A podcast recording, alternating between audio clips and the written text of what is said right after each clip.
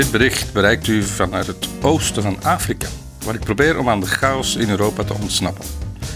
De politieke chaos bedoel ik dan. Niet dat het veel helpt, want voor mijn wekelijkse doorbraakcolumn zit ik nog altijd dagelijks met de neus in de nationale en internationale media.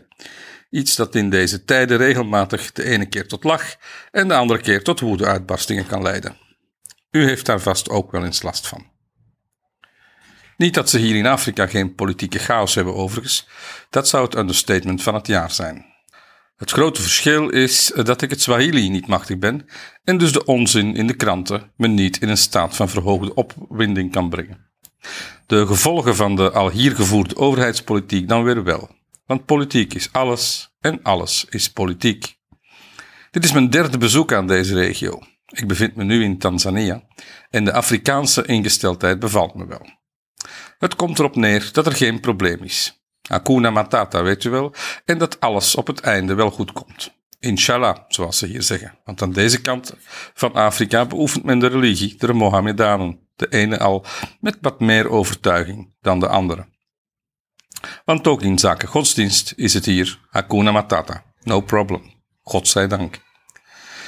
Nu is dat natuurlijk een louter praktische filosofische instelling, dat Hakuna Matatisme, het is een soort van gelatenheid die de mens overkomt wanneer hij moe gestreden is tegen politieke onkunde en corruptie, terwijl hij andere dingen te doen heeft, zoals daar zijn, eten bij elkaar scharrelen, om je familie niet van honger te doen omkomen, en vervolgens op zoek gaan naar een waterput en een sanitaire gelegenheid om te zorgen dat de overschotten van het karige maal dat je hebt genoten op een ordentelijke manier ook weer je lichaam verlaten.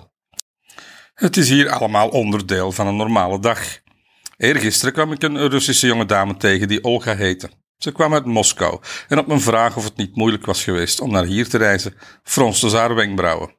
Nee hoor, zo bleek. Van Moskou naar Qatar en vervolgens naar Dar es Salaam. Geen centje pijn. Niemand legde haar een strobreed in de weg. Olga was haar echte naam, zo zei ze alweer lichtjes verbijsterd over mijn tweede domme vraag. Ik vroeg dat omdat vele Tanzanianen die in de toeristische sector werken een Oost-Europese naam hebben aangenomen om de toeristen ter wille te zijn. Zo ken ik een Natasha die eigenlijk Lakeisha heet en een Maria die door haar moeder bij geboorte Kamaria werd genoemd. Bij de mannen zien we hetzelfde stramien. Ik kwam een jonge man tegen in het hotel die zichzelf CJ had gedoopt, terwijl zijn Swahili-naam Chacha is. Ik vond cha-cha wel iets hebben, omdat het me meteen aan de cha-cha-cha deed denken. Een dans die ik zelf niet beheers, maar die door mensen met heupen die niet in beton zijn gevat, op elegante wijze wordt uitgevoerd.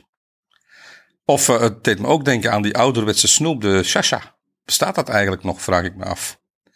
Maar Chacha vond zelf dat CJ, uitgesproken op zijn Amerikaans, zijnde CJ, veel cooler klinkt. Misschien heeft hij gelijk. Al denk ik dat hij op een dag terug gewoon Chacha zal heten en die naam ook vol trots zal dragen. Een beetje zoals in Vlaanderen de ouderwetse namen van onze grootmoeders en vaders terug opduiken. Chacha, dat zocht ik op, betekent in het Swahili sterke man. En CJ betekent helemaal niks. I rest my case, your honor.